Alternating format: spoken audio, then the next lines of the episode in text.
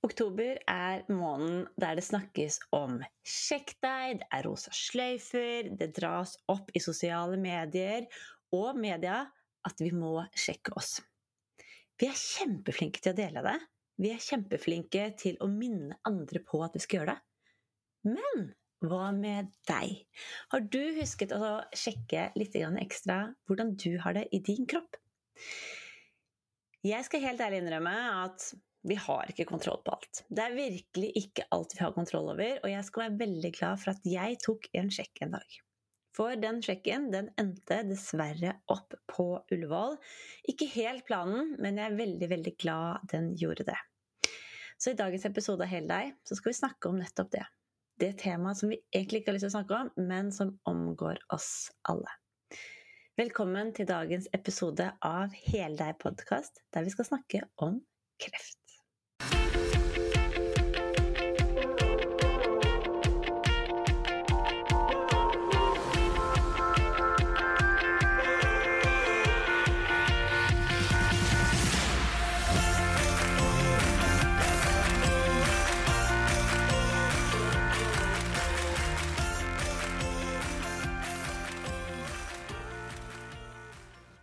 Et viktig tema, et skummelt tema, og et tema som jeg vet at veldig mange har bare lyst å dytte ned i skuffen og si at ikke omhandler seg selv.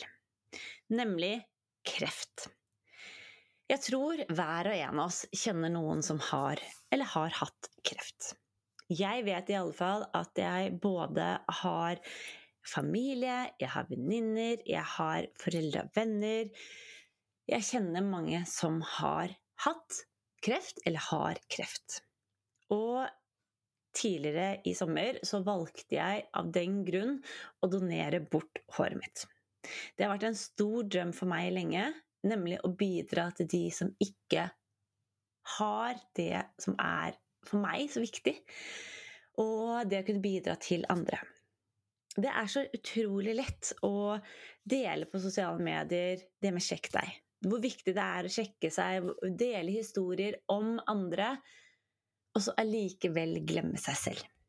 Og i dag så har jeg lyst til å touche litt inn på det temaet her og dele min personlige eh, reise og mine erfaringer og mine tanker om nettopp dette her. Eh, og jeg velger i dag å være åpen om det fordi at jeg vet med hånda på hjertet at min historie har vært med på å redde et annet menneske. Det var nemlig en kvinne som kom til meg på klinikken der vi snakket om nettopp dette med å ikke tørre, og ikke tenke at det angikk henne.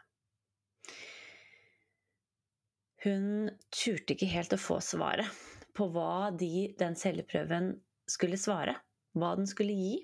Så hun utsatte og utsatte. Men jeg tror at innerst inne, inne i henne, så visste hun at hun burde gjøre noen ting. Hun burde, visste at hun burde ta den testen. Og den samtalen vi hadde den dagen, gjorde at hun valgte å gå og ta den eh, testen på celleforandringer, som viste seg å slå ut på at hun hadde celleforandringer, men som også gjorde at hun fikk tatt den behandlingen hun trengte, og fikk den hjelpen hun trengte. Og i dag så har jeg lyst til å dele dette med deg, fordi at jeg vet med hånda på hjertet at vi ikke har kontroll over alt. Jeg kan med hånda på hjertet si at det er så mye vi ikke vet. Det er så utrolig mye vi bare skyver unna og tenker at dette her orker jeg ikke forholde meg til. Problemet er bare at når vi skyver ting inn under teppet, så blir det bare verre. Det bare vokser opp som en sånn ulmende klump, og det blir bare større og større og større.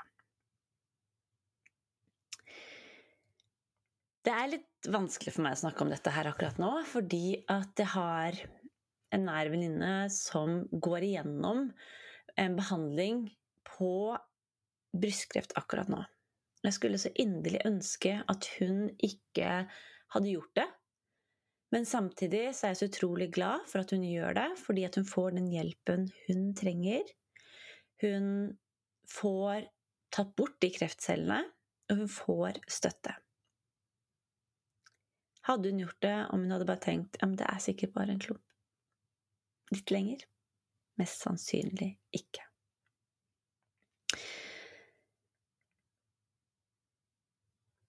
For um, syv år siden var jeg der selv. Ikke med brystkreft, men med selvforandringer. Symptomene på livmorhalskreft er jo blødninger eh, utenfor menstruasjonen. Det er blødninger etter samleie. Det er blødninger etter overgangsalderen. Det kan være uregelmessige blødninger og smerter i underlivet. Jeg hadde ingen. Jeg kjente ingenting som skulle tilsi at jeg hadde selvforandringer. Allikevel så hadde jeg det. Det ble oppdaget under en rutinekontroll. Og 25 000 kvinner, i hvert fall det når jeg leser, hadde, ble hvert år utsatt for unormale selvforandringer. Så er jeg alene? Absolutt ikke i det hele tatt. Det er 25 000 av oss hvert eneste år som blir utsatt for det. Kvinner som ikke fortjener å bli utsatt for det, men som rett og slett bare blir det. En enkel test som vi, både du og jeg, kan gjøre,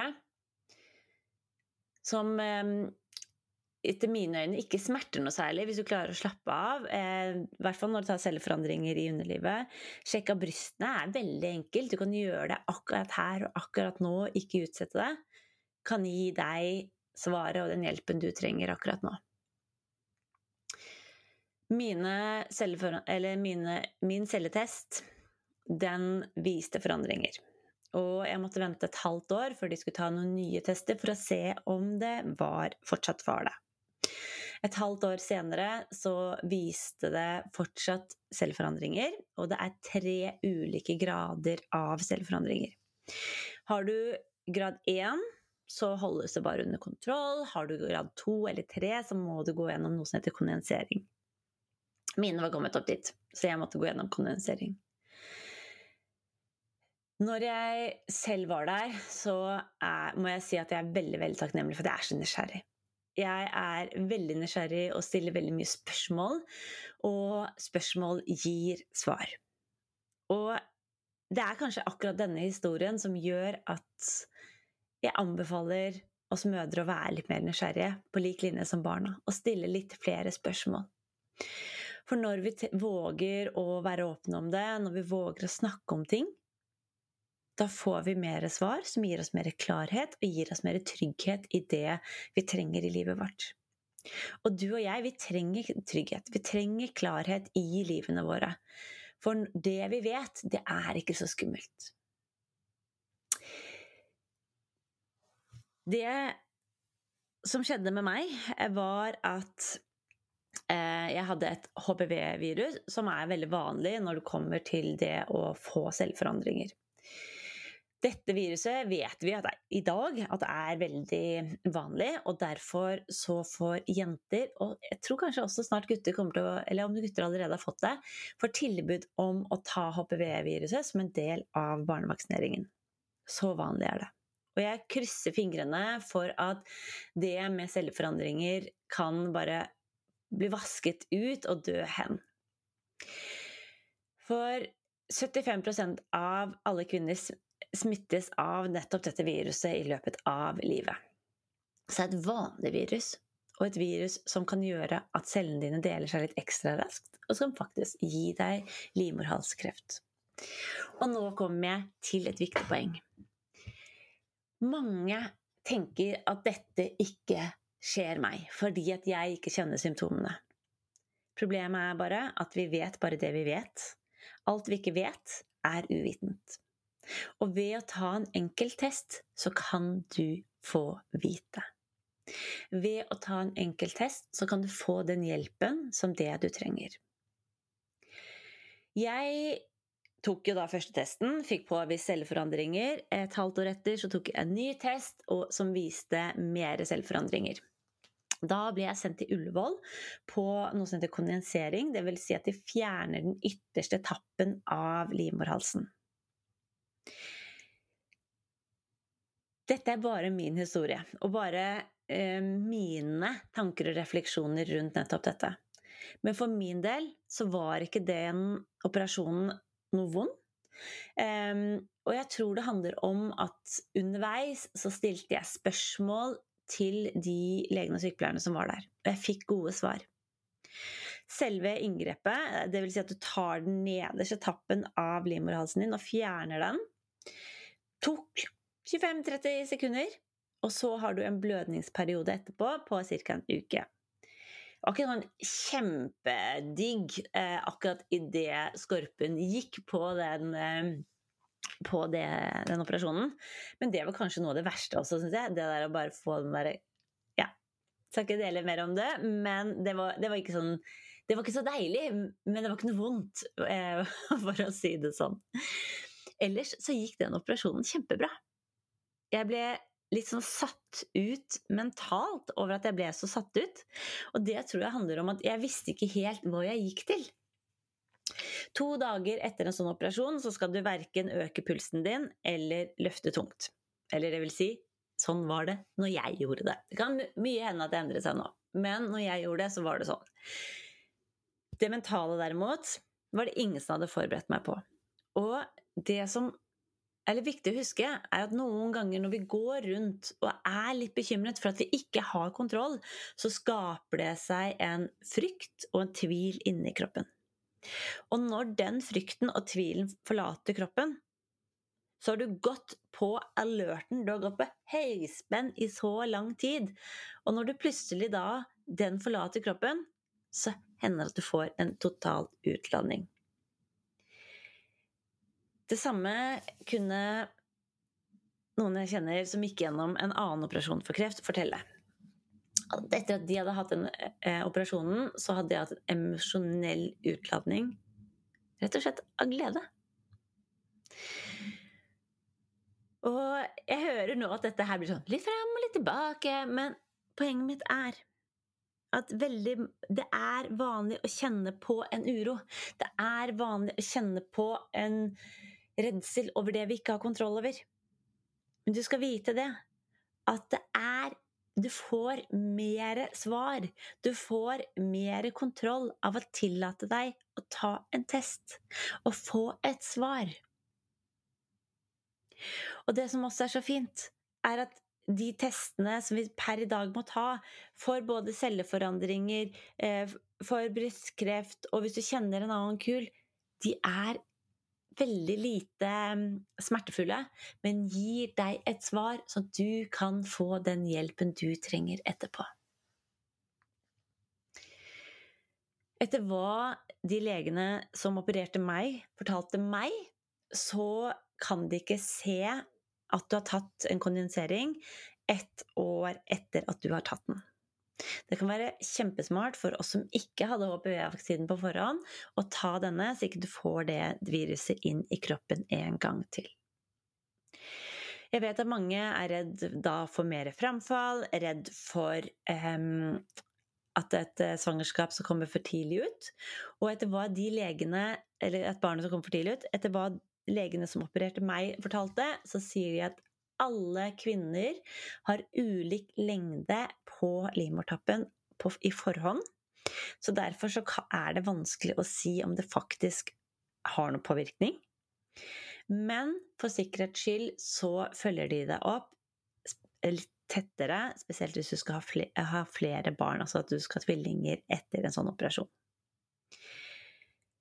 For min del så var jeg følte meg ganske ferdig med barn akkurat da, så det var ikke et spørsmål i meg, men allikevel så ville jeg ha kontrollen. Det som jeg derimot merket veldig godt, og som gjør at jeg kanskje underviser på den måten som det jeg gjør når det kommer til bekkenbunnen, er hvor svak jeg plutselig følte meg i bekkenbunnen. I perioden fra første test til etterkondensering. Og uansett om det er en operasjon, eller om det er et svangerskap som tøyer ned bekkenbunnen, eller om det er et eh, overfall, eller om det, hva det er for noe, så har vi en hjerne som prøver å koble oss litt bort ifra det som vi ikke har kontroll over, og det vi ikke liker.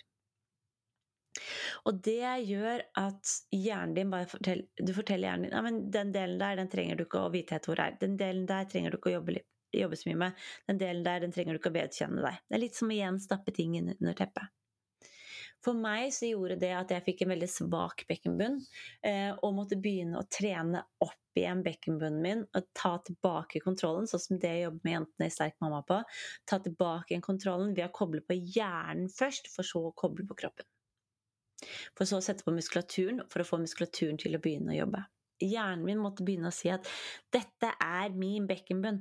Bekkenbunnen min, den eier jeg. Jeg er i kontroll over den. Jeg eh, skal jobbe med den. Den skal ikke bare stappes inn under teppet lenger.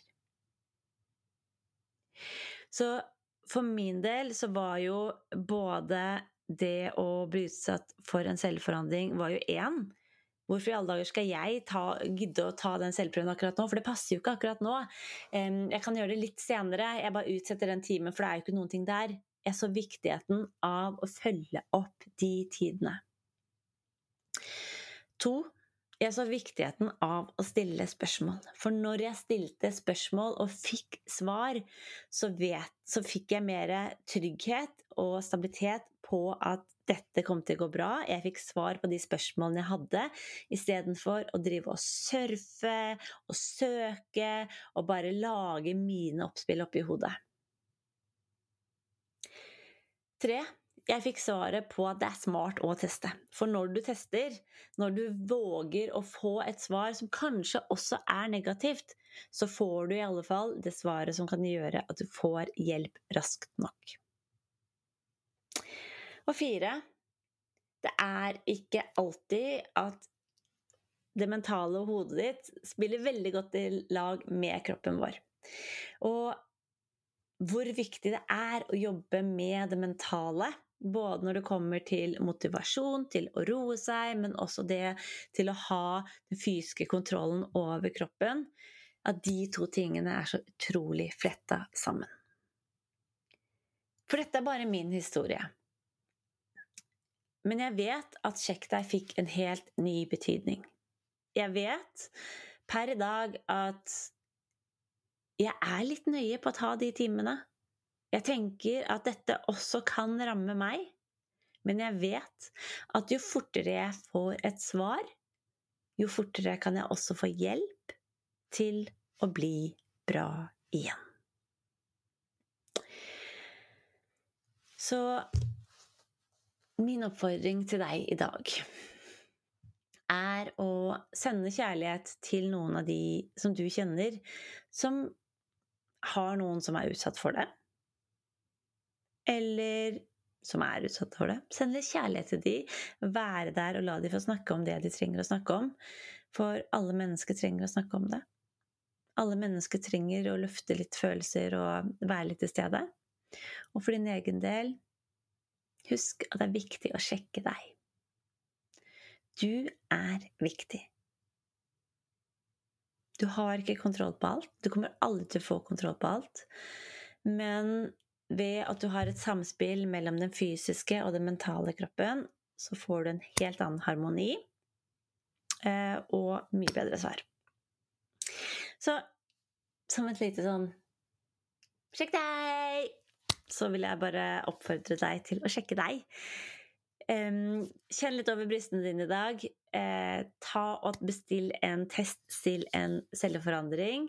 Um, og gjør noe godt for at vi skal kunne lære enda mer om det.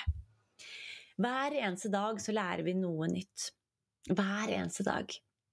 Vi kan ikke sette tre streker under et svar. Vi kan heller ikke sette to. For hver enkelt person er ulik. Hver enkelt person utvikler seg, og hver eneste dag så utvikler vi oss sammen. Og nettopp derfor så er det så viktig at vi fortsetter å dele kunnskap. Nettopp derfor så er det så viktig at vi fortsetter å forske, men også se sammenhengene mellom kroppen. For du er en helhet, og det er jo mye av det som denne podkasten handler om, er at du er en helhet. Du er både den fysiske deg og den mentale deg. Du er helt unik. Ingen er som deg. Ingen tenker, føler, er, bruker kroppen sin, har kroppen, akkurat kroppen din, for du er unik. Og nettopp derfor så må du ta vare på deg. For du er den eneste personen som kan ta vare på deg og dine behov, og ta vare på deg så mye at du kan gi til de rundt deg. Så støtt gjerne Rosa sløyfe. Del gjerne poster om dette her. Men det viktigste av alt er at du sjekker å ta vare på deg, sånn at du får hjelpen fort nok. Det verste svaret du kan få av en test, er at det var noen ting der. Men det beste svaret ved å få vite at det var noe der, er at du faktisk kan gjøre noe med det. Så husk å sjekke deg. Ikke la det bare være oktober, men la det være november, desember. Sjekk deg, ta vare på deg. Det er da du kan ta best mulig vare på deg nå og framover. Du er unik, og vi trenger nettopp deg.